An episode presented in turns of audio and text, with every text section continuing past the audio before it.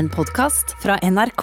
Frida Annevik er en kritikerrost musiker og visesanger med fem soloalbum og tre Spellemannpriser i hylla, og en nominasjon i disse dager. De siste åra er kanskje hedmarking blitt spesielt kjent for tolkningene sine av andres låter, og ikke minst for sitt Alf Prøysen-engasjement. Og engasjementet vekkes av så mangt hos Annevik. Tipper, for eksempel. Drivkraft med Ruben Gran i NRK P2. At eh, engasjementet våkna da hun nettopp fikk eh, statens kunstnerstipend. Frida Ånevik, velkommen! Takk. Ble du eh, gira da du fikk det stipendet? Ja, eller jeg blir sånn kjempegira, og så blir jeg helt utmatta. Så det går ned for telling. Velkommen skal du være. Takk. Eh, når du får det stipendet, hvordan får du det sånn rent fysisk? Er det en mail, eller er det et brev, eller får du et, et pakkebud? Nei, det er jo det at du ser at det ramler innom internett, og så ser du at de andre, eller folk i feeden, kunstnere, har plutselig fått Og så må man inn og sjekke den lista. Og det er jo det som er vondt. Og, eller bra og vondt. Um, at det er liksom en liste med navn, og så står kanskje ditt navn der, eller kanskje ikke. Så det er litt som uttaket til fotballaget på skolen? Ja, litt sånn. Ja. Eller er det bare på firmaet her? Sånn? Nei, det er nok, det er nok noe likhet der. Det er det der, Jeg snakka med flere kunstnere om det der å lete etter navnet sitt på den lista. Som en veldig sånn litt utmattende Og det er derfor den utladninga kanskje kommer, da. Eller blir helt sånn glad, og samtidig bare at Det er som en ballong hvor lufta bare fss ut. Um, så det var eh, Ja, det var eh, voldsomt. Fikk ikke gjort noe mer den dagen. Ja, du gjorde ikke det? Nei. Nei, ble, ble det feiring? Nei, veldig dårlig til å feire. Eh, drakk en kaffekopp og fant ei krumkake fra juleboksen. Det var liksom det. Jeg må bli bedre på det der. Altså. Men har du scrolla nedover de listene der mange ganger, og så uten å se navnet ditt? Eh, ja, og Men så har jeg på en måte òg De gangene jeg har søkt stipend, så har det kanskje vært litt sånn ehm, Jeg har ikke søkt hvert år. Eh, men den, den, det å ikke finne navnet sitt der, er jo en Altså For mange så, så er det et være eller ikke være, da. Særlig liksom kunstnere i det frie feltet i Norge. Billedkunstnere, dansekunstnere. Um, folk som lager ting som ikke nødvendigvis um, er det som syns, nødvendigvis. Det syns i sin sjanger. Men det er det smale tinga, eller de tinga som dytter oss andre framover, da. Um, og i mitt virke så så er det på en måte vanskelig å få, men samtidig så er jeg Altså, jeg har vært kjempeheldig nå som har fått det. Og at noen har lest søknaden om hva jeg har tenkt å bruke tid og penger på, og har tenkt at det vil vi satse på. Eh, Og det er jo sånn nå at det er en bekreftelse av et kunstnerskap. Og da må det kunstnerskapet stå stødig igjen sjøl òg, sånn at den tåler å ikke finne navnet sitt på den lista. Men det er hardt den dagen, tror jeg, for de som, som har vært spente Mm. og har hatt et veldig håp. Um, så det er en fin og litt hard dag den dagen de stipendene blir sluppet. Mm. hva, hva innebærer det stipendet for deg? Det innebærer jo en trygghet, og det innebærer en uh, At jeg kan kjøpe meg tid i hver måned i året til å skrive.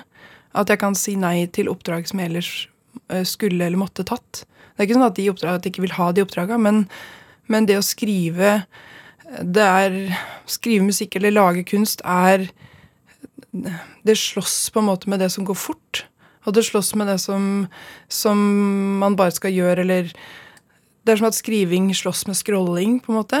Eh, den lange konsentrasjonen slåss med det som går dritfort, og det som hjernen vil bruke tid på, fordi vi har en apehjerne som bare tar det første beste, liksom. Og da Så det, for meg så er det helt sånn konkret at det kjøper meg tid. Du sitter med åpen eh, skrivebok der nå, Frida Annevik. Ja. Eh, hva er det du skriver eh, i en situasjon som den vi er i nå? Kom, kommer det poesi til deg på- i drivkraft? Vil du det? Nei, jeg vet ikke. Sånn håp om at det Nei, det er jo fordi at alt ikke får plass i huet. At da skriver jeg noe ut på papir, eller Og at liksom kan jo røpe at det, er en, at det er noe research til denne samtalen du og jeg skal ha. At uh, da er det noen som ringer på forhånd og legger opp et løp. Ehm, og så må jeg huske litt hva det løpet det handla om, sånn at jeg ikke uh, ramler utpå. Men samtidig så var det, kan jeg jo si at når jeg snakka, eller hva vi skulle snakke om i dag, eller hva, hva dette programmet er, og hvorfor, hvorfor, man gjør det, liksom. Hvorfor skal dere snakke med meg? Så kjente jeg òg på at jeg i de svara så ga jeg de samme svara som jeg har gjort mange ganger før. Og at jeg følte ikke helt at det stemte. Jeg følte at jeg har forandra meg ganske mye. Um, og at samtidig som jeg eh, snakker om de samme inspirasjonskildene og snakker om den samme drivkrafta, så forandrer den seg jo litt. da at jeg er foranderlig. Og at uh, da følte jeg at jeg måtte skrive ned hva jeg egentlig vil si. det gjør jeg ganske ofte. Skriver ned hva jeg egentlig vil si, men det er ikke sikkert det kommer ut. Vi får se, da, ja. Eh, om, om, du kommer til å trenge boka. Men ja, du sier at du har forandra deg altså siden, siden, når? Tenker du det? Nei, siden vi snakka sist, da. nei, men, nei, men at, eh, at eh, at jeg tar tak i de samme tinga, eller kanskje svarer noen ting som jeg har lært meg å svare. Fordi at eh, det å, å være en sånn halvoffentlig person, så, så svarer en på spørsmål, og så eh, Det var vel kanskje bare en følelse av at nå Jeg, jeg, var ær, jeg er ærlig, men jeg var på en måte litt sånn innlært, da. Eh, og at eh, hvem jeg er og, og, hva jeg er opptatt av, er ganske likt. Det er en kontinuitet i det. Et veldig kjedelig menneske sånn sett, men at det, det forandrer seg jo bitte lite grann.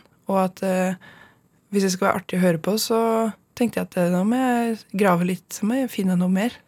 jeg kan litt se for meg at hvis man er mye i media, og gir mye intervjuer, så, så, det, så skaper man seg noen fraser mm. etter hvert. Mm. Blir du lei av Er det det du sier, at du blir lei av dine egne fraser? Ja, på en måte bli lei. Jeg jo, kan fort bli lei av hvem jeg er. Eh, og det blir jeg ganske ofte.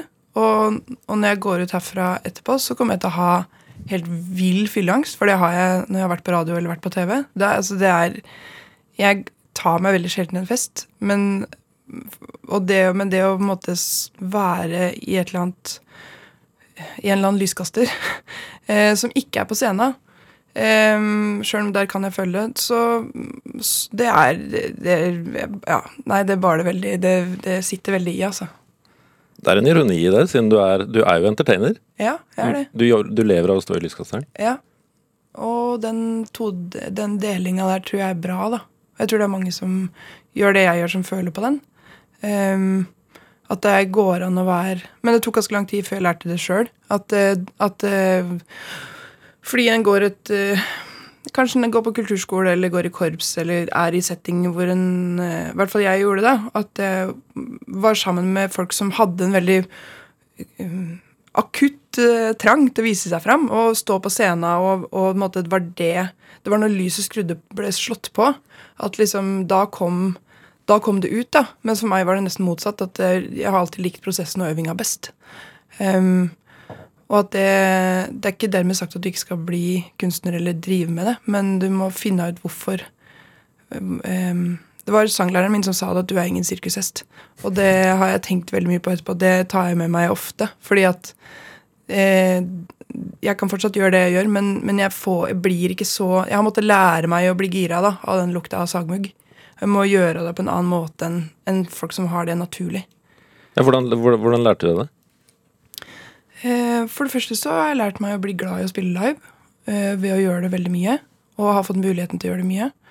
Ehm, sånn at jeg etter hvert fant ut hvorfor jeg vil Hvorfor jeg inn, vil inn i det rommet.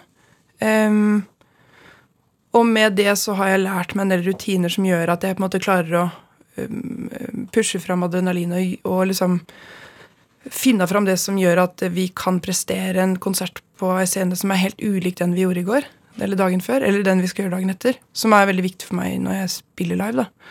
At det er et element av improvisasjon, og det er et element av noe som det er best hvis vi det er, det er nesten De beste konsertene er hvis det skjer et eller annet teknisk som gjør at vi må løse noe, som gjør at det, at, det, at en av oss, eh, ofte vi tre på scenen, da, svetter noe innmari, mens vi andre prøver å liksom holde ro, mens, det, mens den tredje personen da må løse det, eller at det skjer noe uforutsett. Fordi det gjør at eh, Ja, i starten eller i deler av en liveprosess, det å spille mange konserter, så, så, finner man jo Eller leter etter grunner til hvorfor man gjør det, eller prøver å, Det er jo å spille så fint man kan, men å spille de samme sangene i den samme rekkefølgen hver kveld gjør at vi blir i veldig veldig god spilleform, og vi gir, prøver å gi en ny opplevelse til publikum hver kveld. da. Og at det også skal være en ny opplevelse for oss. Ehm, så når jeg fant ut at det var det jeg ville ha av en live Altså at jeg eh, trivdes i det rommet, at jeg ikke syntes det var skummelt, men derimot at det, det, er det, jeg, det er det jeg går ut der etter. da. At det er dritskummelt. Det kan, det kan skje Det kan skje ting som jeg ikke vet åssen jeg kommer meg ut av, liksom. Og det har, har jo skjedd. Um, Hva, hva, hva, hva er det teiteste som har skjedd i så måte?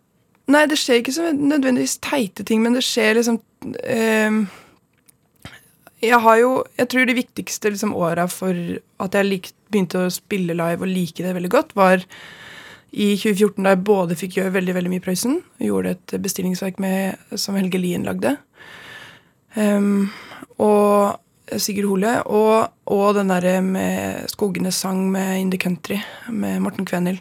Fordi at da fikk jeg spille veldig veldig mye live med folk som var kom mye lenger enn meg, mye flinkere enn meg, og som satte meg i situasjoner som jeg måtte komme meg ut av. Jeg husker en konsert på Nasjonal Jazzscene hvor det var liksom fantastisk Rolf Erik Nystrøm som spiller saks, og Helge Altså, det var Jeg skulle synge 'Trassfiseren til store', en klassisk Prøysen-låt, og i det arret så skal jeg begynne aleine i fjerde verset, og så kommer hele bandet inn liksom etter to linjer. Og det de da kollektivt bestemmer seg for i øyeblikket etter tredje vers, det er å improvisere seg fullstendig ut av toneart. Altså det er ingen det er ingen følelse av verken toneart eller språk. eller liksom, Det er bare hukommelse på hvilken tone jeg skal inn på. Eh, begge blir gira, liksom. Og så synger jeg da de to første linjene, og så står nok hele bandet og lurer på er dette riktig. Kommer vi inn nå i samme, samme gjeng da? Eh, og det er jo fryktelig, fryktelig skummelt, men òg veldig, veldig spennende. Og også en sånn følelse av ehm, Og grunnen til at jeg spiller live, er det rommet. Fordi jeg har på en måte vegra meg for å gå inn i det rommet, for jeg er ikke noe synes jeg, jeg har syntes det var skummelt fra jeg begynte. Men idet jeg skjønte at jeg kan mestre det, sjølsagt, og at det kan skje ting der som ikke vil skje på øving, fordi du får helt sånn, en helt egen konsentrasjon, da. Og den vil jeg være med i. Da ble jeg interessert. Og idet jeg måtte, som sagt skjønte at jeg mestra det, så, ja, så er jeg villig til å ta risken. Sjøl om det har gått gærent et par ganger òg. Men hvor, hvor gærent kan det gå? Nei, det kan jo ikke gå så gærent. Nei. Det er det som er artig. Det, ok, Så dreit vi, oss der, dreit vi oss ut der, og så må vi kjenne på det litt i bilen hjem, og så, og så er det ferdig. Og så gjør vi ikke det igjen. Men tror du publikum stort sett får med seg at dere Ja, og da tenker jeg som publikummer sjøl, så syns jeg jo det er stas. At jeg eh, Fordi at eh, At jeg får være med på at folk prøver på noe.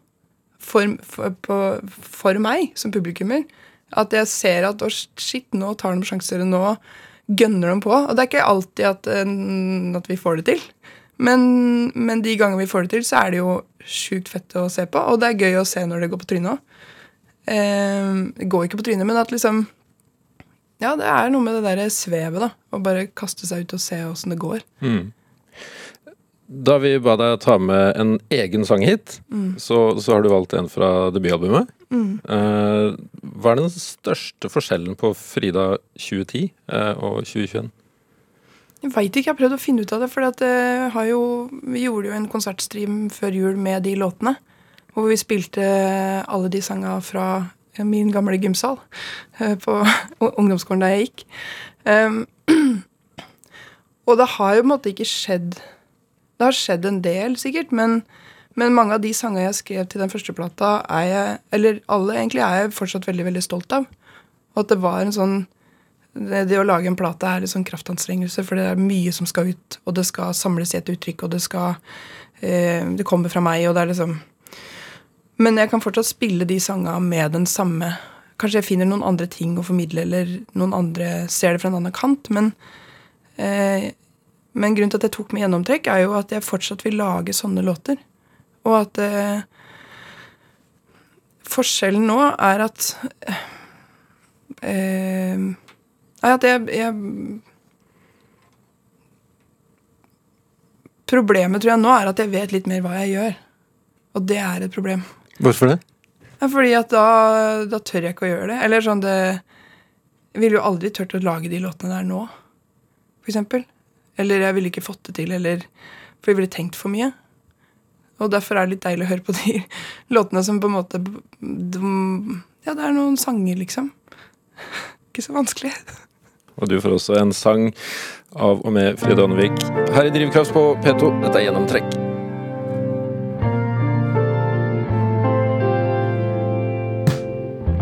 Jeg hadde rød skjorte i flanell med lukt av bestefar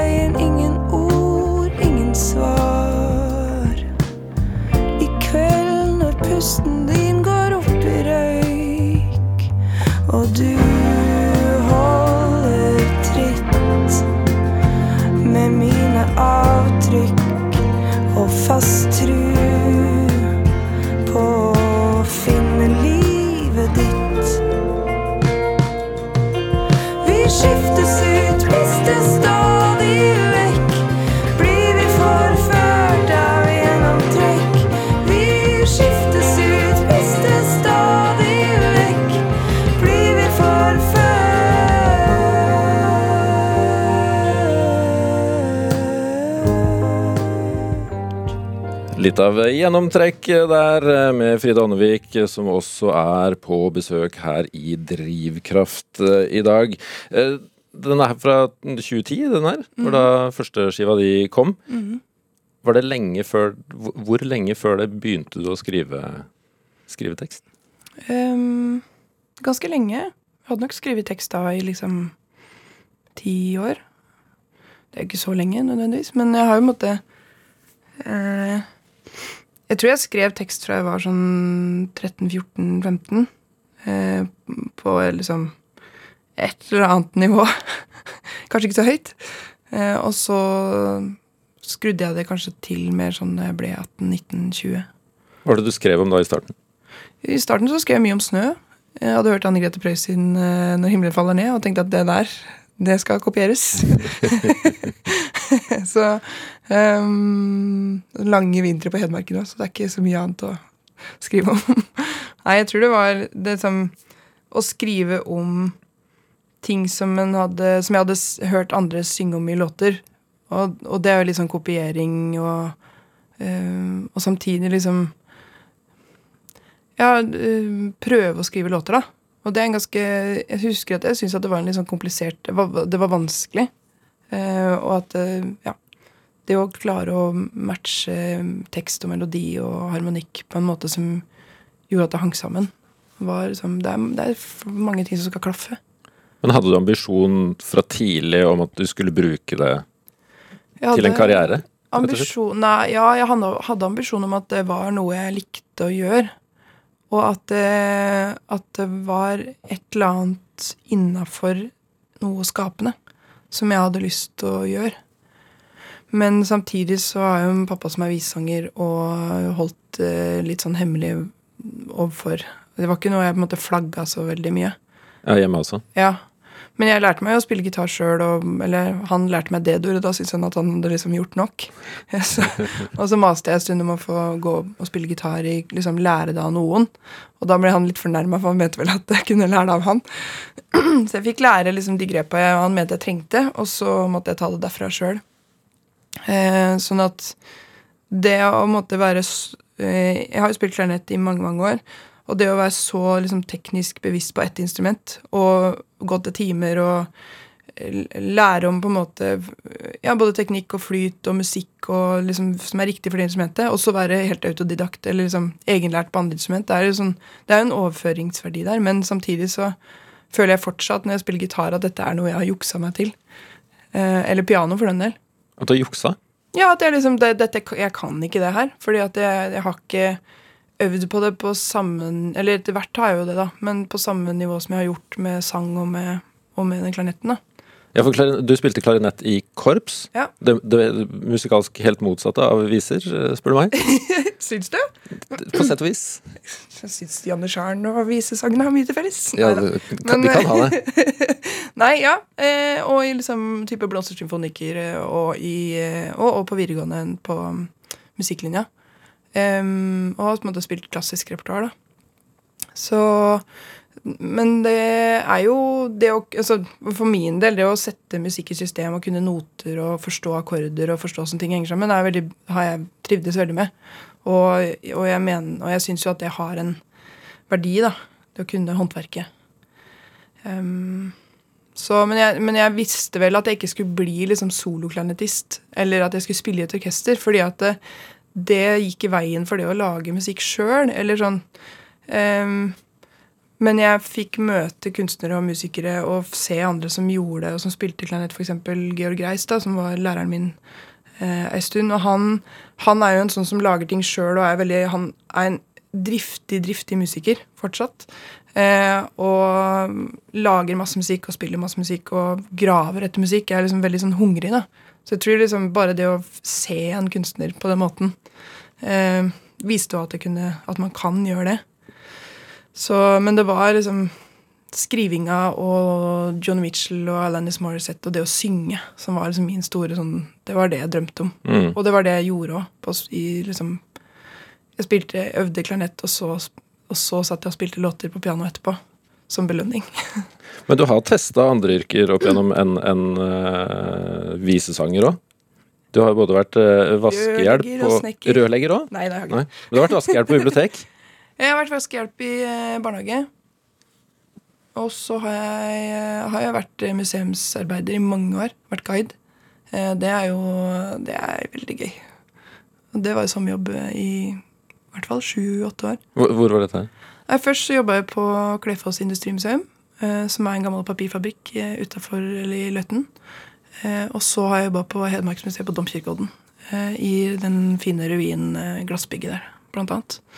Ehm, så den, den kombinasjonen av kultur og historie og fortelling og det å være alt mulig da. På Klefoss så var jeg liksom, hadde jeg dager hvor jeg først hadde noen sære tyske turister med kjempeinteresse for celluloseproduksjon eh, i to timer. Og så liksom etter det lage vafler, koke kaffe, klippe gresset, lage sånn et natursti for uh, unga, eh, lage papir. Eh, altså det var bare sånn få, Jeg var helt utslitt når jeg kom hjem på kvelden, for jeg hadde brukt liksom hver centimeter av meg sjøl. Og samtidig så hadde vi liksom mange mange dager hvor det ikke kom noen. Hvor du bare blir sittende og tenke og skrive. Og da skrev jeg jo veldig mye.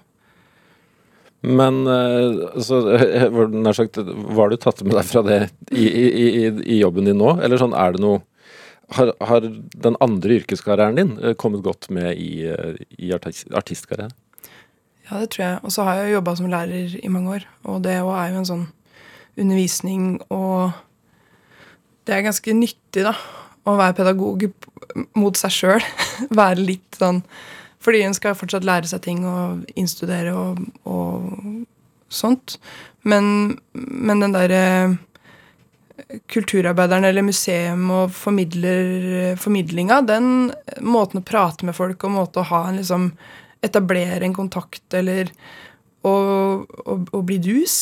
Eh, og, og kunne fortelle noe og gi folk en opplevelse av et rom som egentlig er helt tomt. da. Og kunne liksom mane fram fabrikkarbeidere og papirhøner, som det het. De som telte papiret. Og liksom eh, være en sånn slags brobygger mellom et tomt rom og en historie, det tror jeg var veldig sånn Og så var det veldig mye tillit å få så tidlig. Eh, jeg hadde liksom tatt skuterlappen og kunne komme meg dit, eller kunne sykle, liksom. Men, men, jeg var jo liksom kjempeung og hadde ansvar for hele anlegget der nesten hver dag hele sommeren. Så den tilliten og det at noen trodde at jeg kunne gjøre det, var minst like viktig som at jeg faktisk gjorde det, tror jeg. men hva, hva, slags lærer er det du har vært? Jeg har vært sanglærer.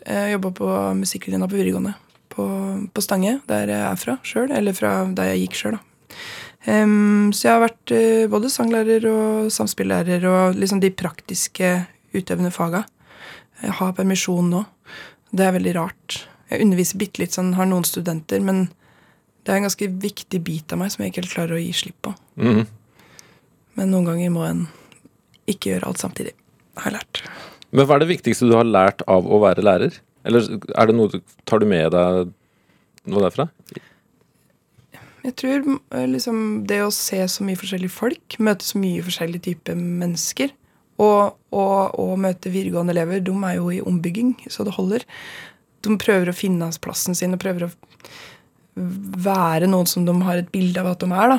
Og samtidig er de totalt gjennomskuebare og, og kan liksom de, det å se liksom ungdom jobbe med seg sjøl, og, og, særlig det med musikken, da, og bli gode til noe, åssen sjøltillit gir og sånt.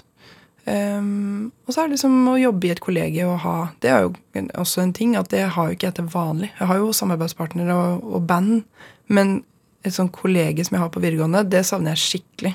Sånn, sånn, ha sånn lærerværelse og liksom prate med folk. Skvaldre.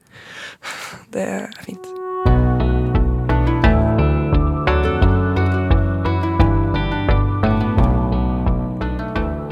Og det er Frida Annevik som er eh, dagens gjest eh, her i Drivkraft, som har Du har jobba mye med eh, gjendiktninger, mm. kan vi kalle det det? Mm. Hvilke utfordringer møter du på da, når du skal ta, la oss si, en klassiker og gjøre den til din? Mm. Det er jo meningsinnholdet i låta, da. Ideen bak låta. Eller ideen til låta. Fordi det er ikke alltid at en tekst eller en låt kan gjendiktes presist. Eller bør gjøre det fordi at eh, tid og sted er helt annerledes, f.eks. Um, eller at det er et, et hook eller en, en, tekstlinje som er språklig veldig begrensa til det språket det er skrevet på.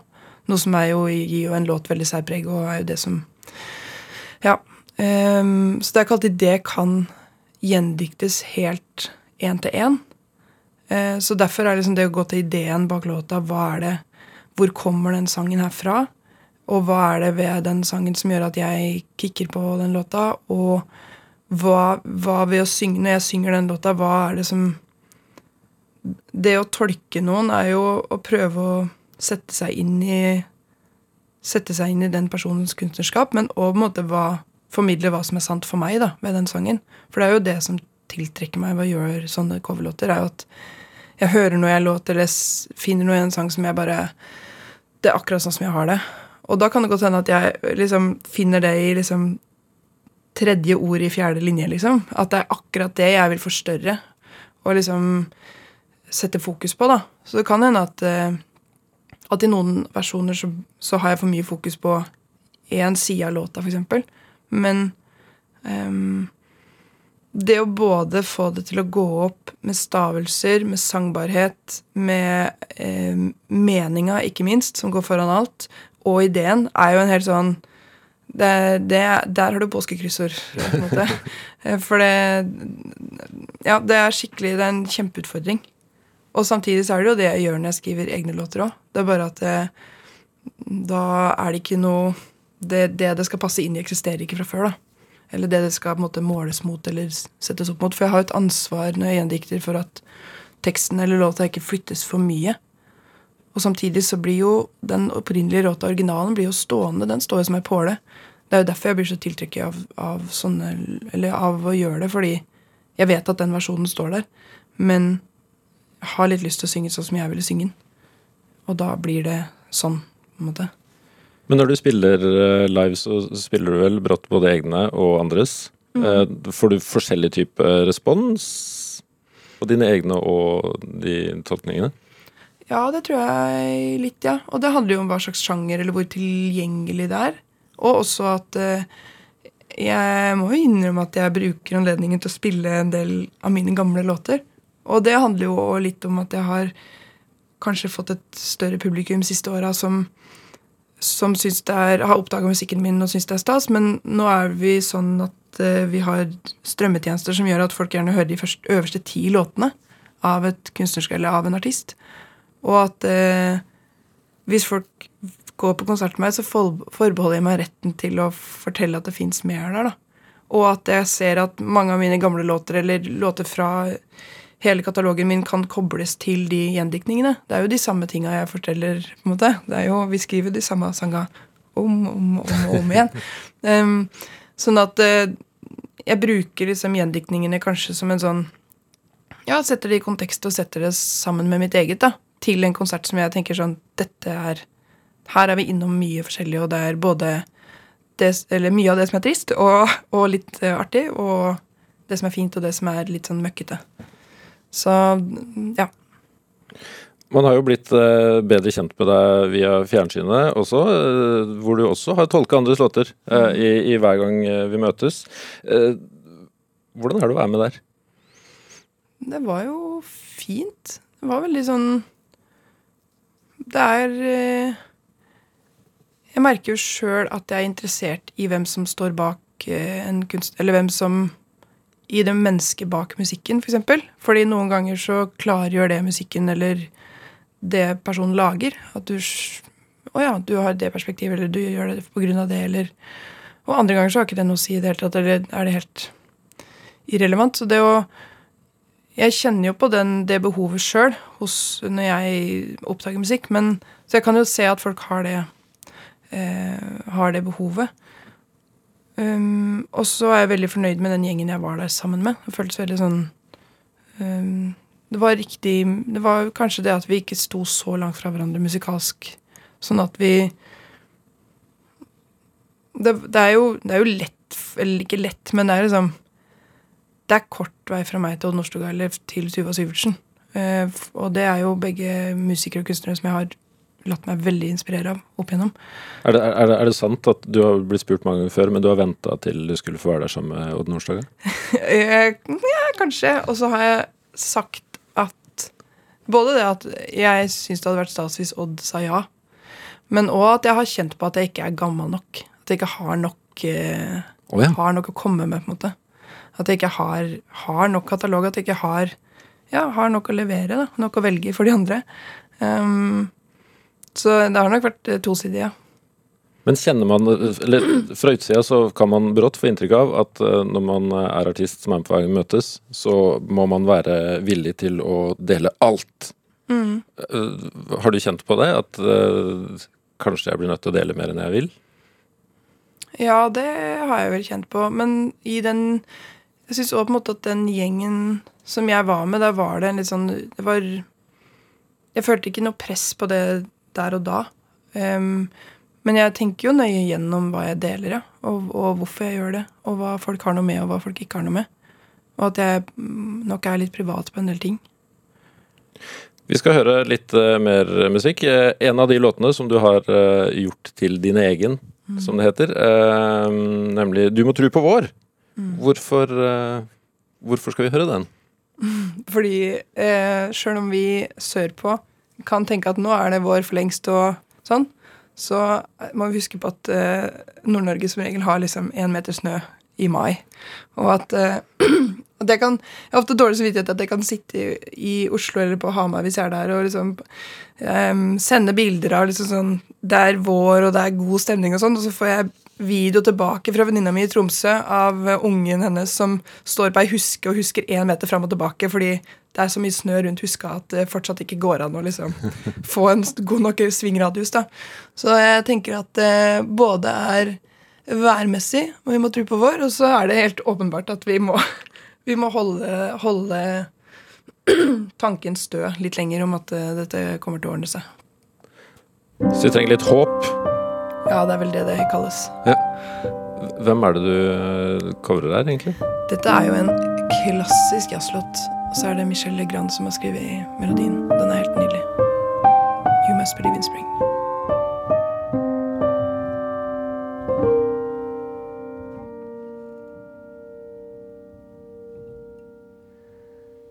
Om ensomheten fryser fast i sinnet ditt skal våren farge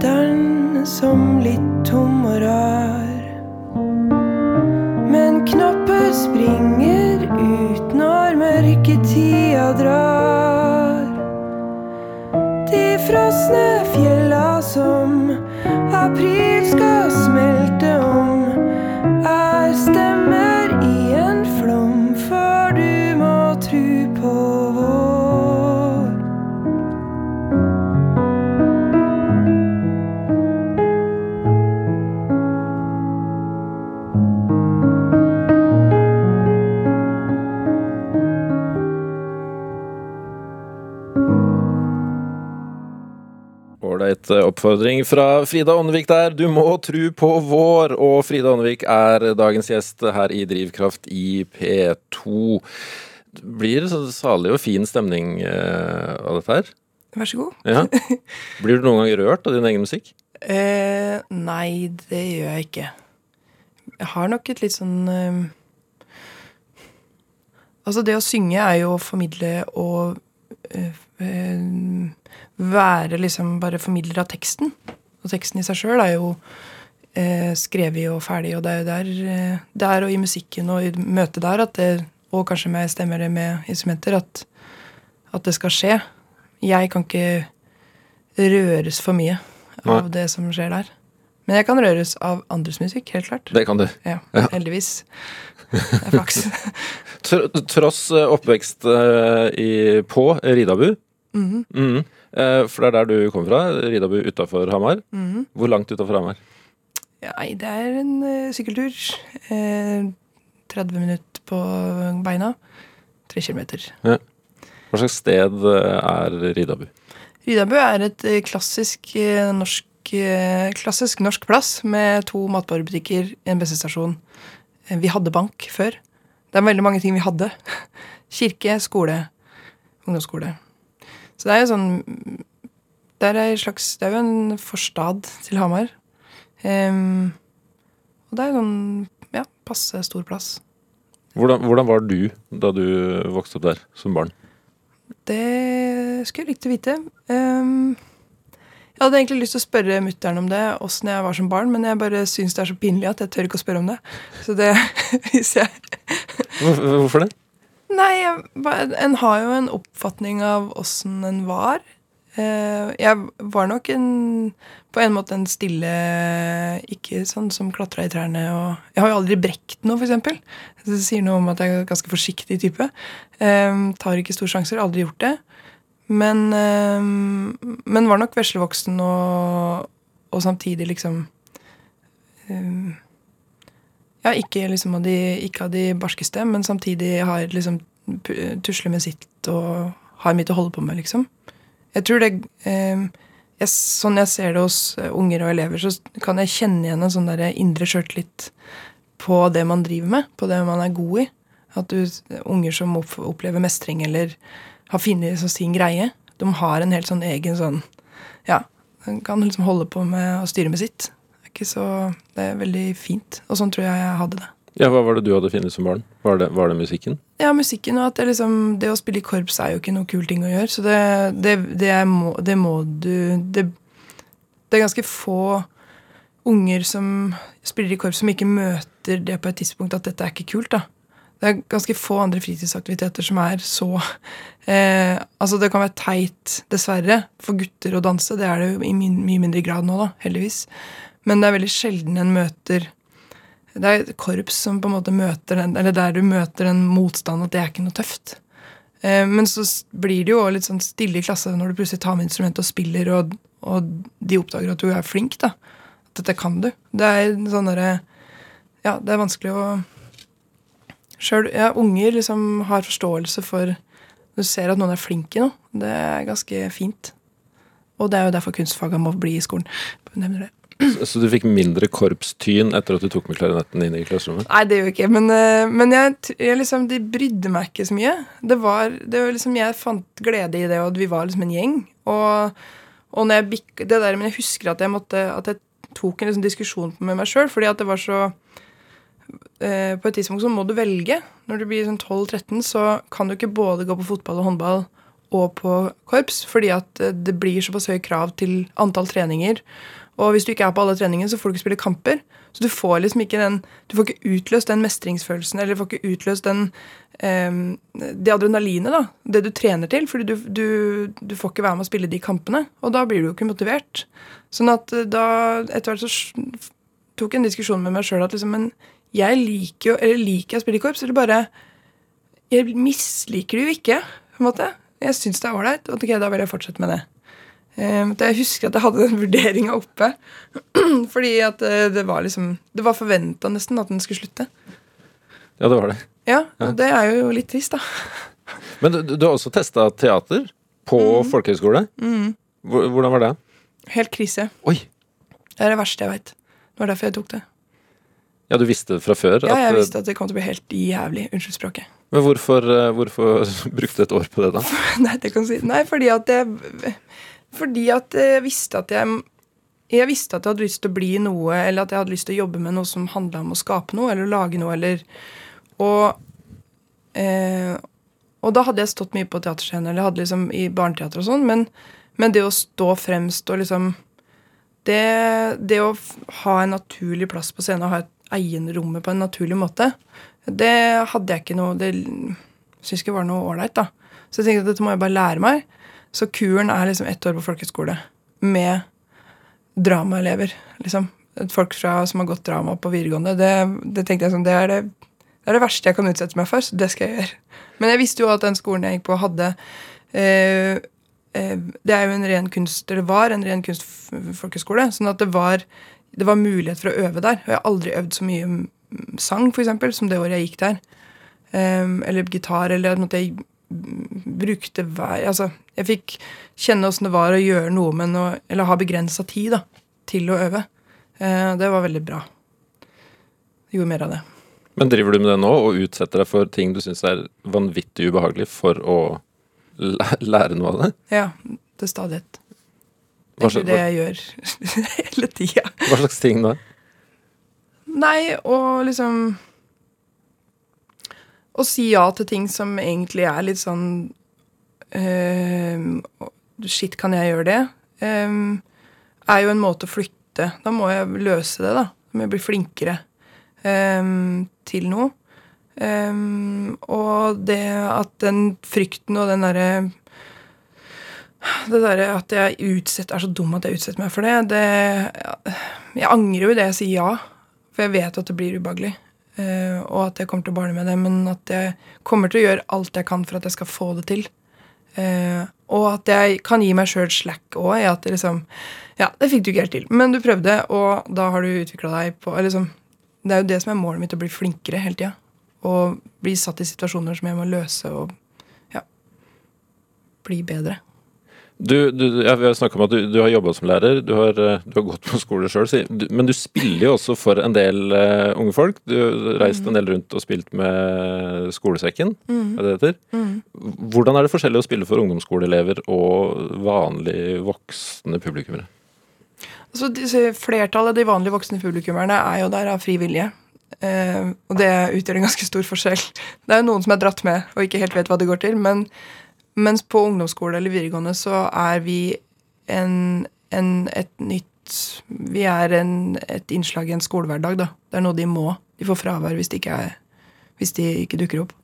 Um, sånn at det liksom Da er det det er premisset. Og samtidig så kan det da skje. Det er ingen, ofte ingen forventninger eller uh, vi, vi, skal bare være i et rom sammen i en time, og så skal vi gjøre det beste ut av det. Um, og kanskje noen føler noe, og kanskje noen ikke gjør det. Og det er helt greit, da. Og så er jo på en måte, Kulturell skolesekken er jo også å lære ungdom å møte kultur. Å lære ungdom å gå på konsert, eller å lære ungdom å se dans. Um, og det er dritviktig. Det skal de jo lære på skolen, og der har vi som utøvere et ansvar. da. Fordi, og det er jo et spørsmål om å, å Altså, mange unger og ungdom blir jo ikke tatt med på kulturopplevelser. Eller har aldri vært på konsert, de vet ikke hvordan de gjør det.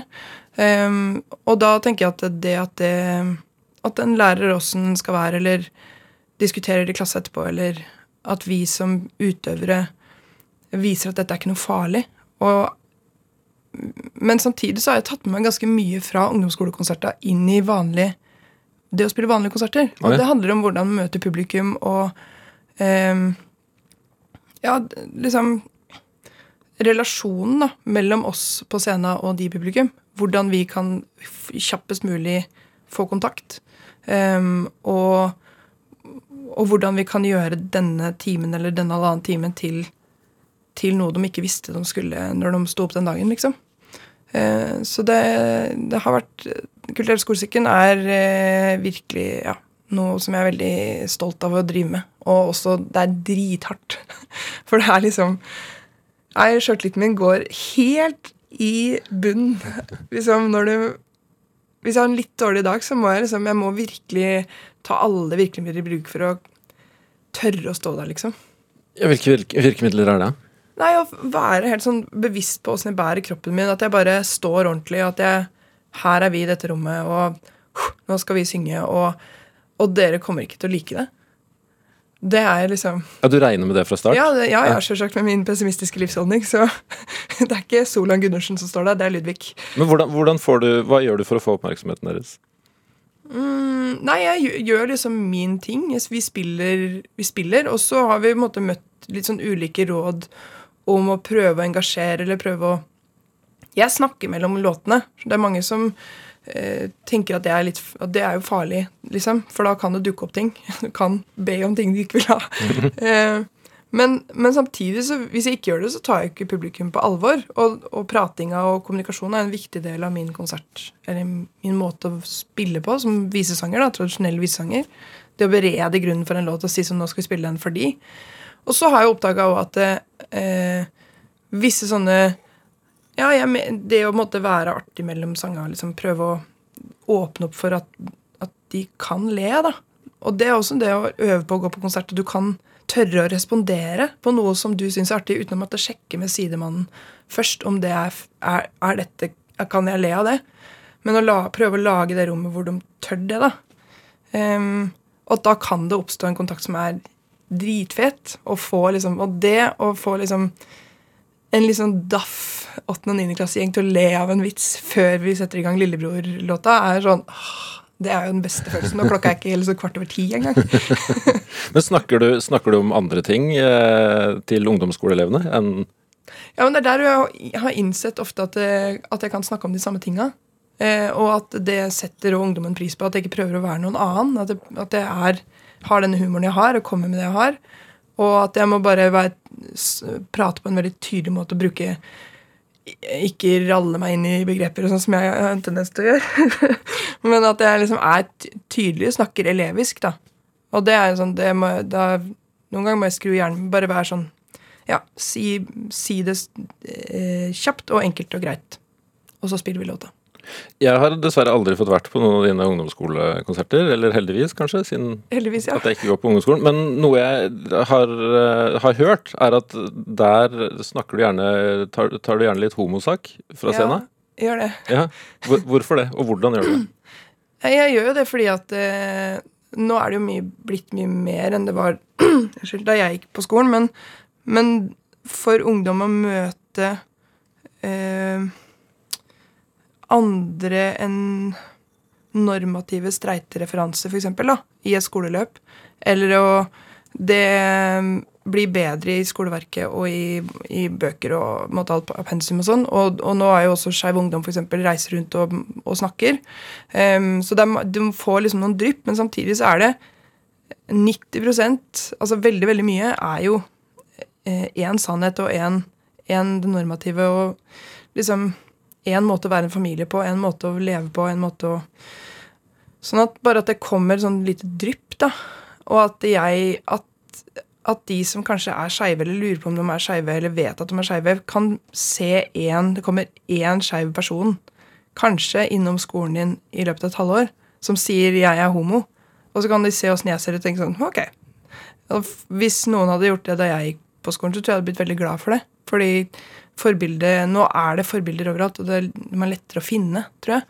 Men fortsatt det der å At det kommer Og at jeg jeg snakker bare om at jeg, at jeg Åssen jeg, jeg, jeg, fant ut at jeg var skeiv, og at jeg syntes det var skummelt. Og, eh, og at liksom det å gå i pridetog er noe det er, Rettigheter er ikke noe som vi har. da. Det er noe vi må kjempe for hele tida, for det kan bli tatt fra oss, f.eks. Um, og de ungdommene som setter pris på det, eller som føler at det gir gjenklang hos seg, kommer jo gjerne etterpå og sier, at, sier hei, liksom. Eh, og da er det jo lite hjelp å få fra mine to ellers ganske sånn fine, streite medmusikere. Men da knekker de jo totalt, liksom. Mm. Når de skjønner at nå kommer det noen som har kjent på det at liksom Ja, kanskje det ikke har vært noe å snakke om det, eller det har ikke vært liksom eh, et tema, men hvis det kan gjøre at de prater om det i klasse etterpå, at en lærer får en knagg å henge den der homopraten på, som de vet at de må ta, og som kanskje oi, har dårlig samvittighet, den burde vi tatt oftere, liksom. Eller at en elev kan tørre å si, liksom, si til kompisen at eh, 'du, jeg tror'. Så tenker jeg det er mitt eh, det er det, er det jeg kan bidra med. Hva er din drivkraft, eh, Frida Ånevik? Frykt. Frykt? Hvordan da? Nei, jeg tror det har vært det. Jeg tror frykt har vært en sånn drivkraft.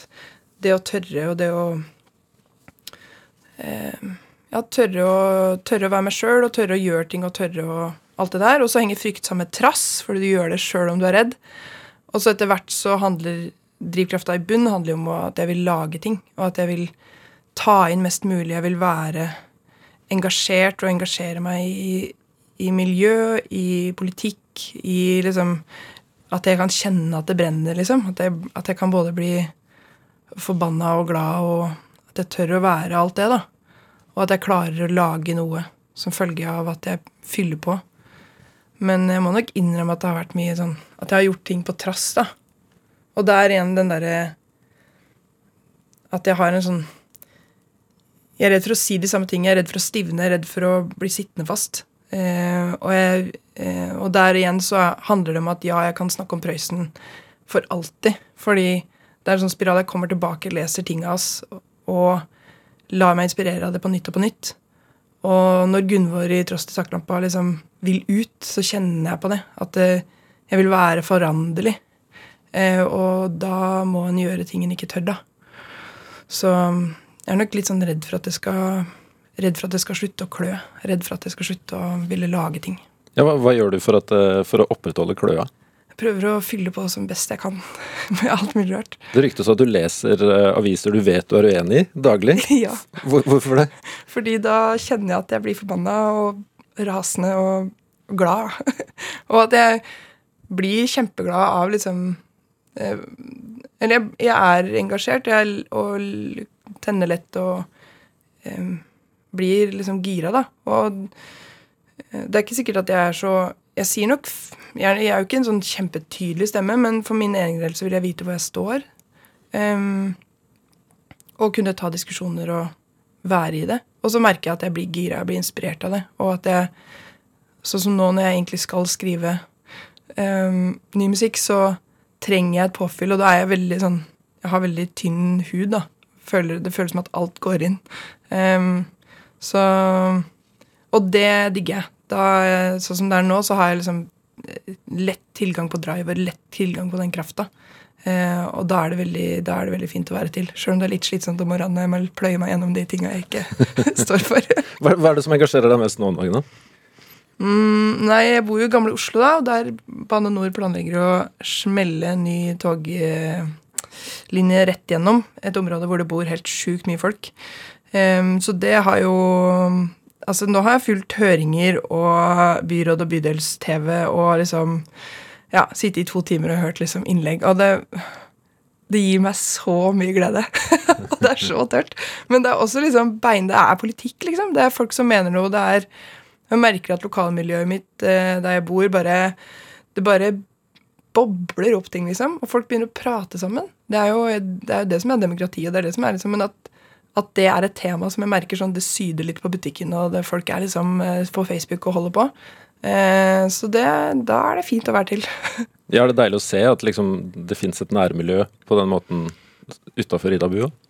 ja, og at eh, jeg er veldig opptatt av å høre til. Jeg er veldig opptatt av å, å liksom finne Jeg trives veldig godt der jeg bor, og liker veldig godt mangfold av Eller det er mye forskjellige folk og mange forskjellige hverdager. Eh, og da er det kult å se liksom at, det, at man kan reise seg på én felles sak, da. Og at det liksom handler om 'her bor vi', og sånn vil vi ha det. Sånn vil ikke, sånn vil ikke vi ha det. Mm. Eh, da tapte vi den saken, så vi se åssen det går ja. videre. Frida Annevik, tusen takk for praten. Takk. Det får fikk komme. Og du hører flere Drivkraftsamtaler i NRK-appen, eller der du laster ned podkasten din. Vi kan også ses på Instagram, der finner du NRK Drivkraft. Og send oss gjerne en e-post til drivkraftalfakrøll.nrk.no. Produsent og bauta i dag har vært Jula Martincic. Jeg har vært Ruben Gran. Ha det godt. Vi hørs. Du har hørt en podkast fra NRK. Hør flere podkaster og din NRK-kanal i appen NRK Radio.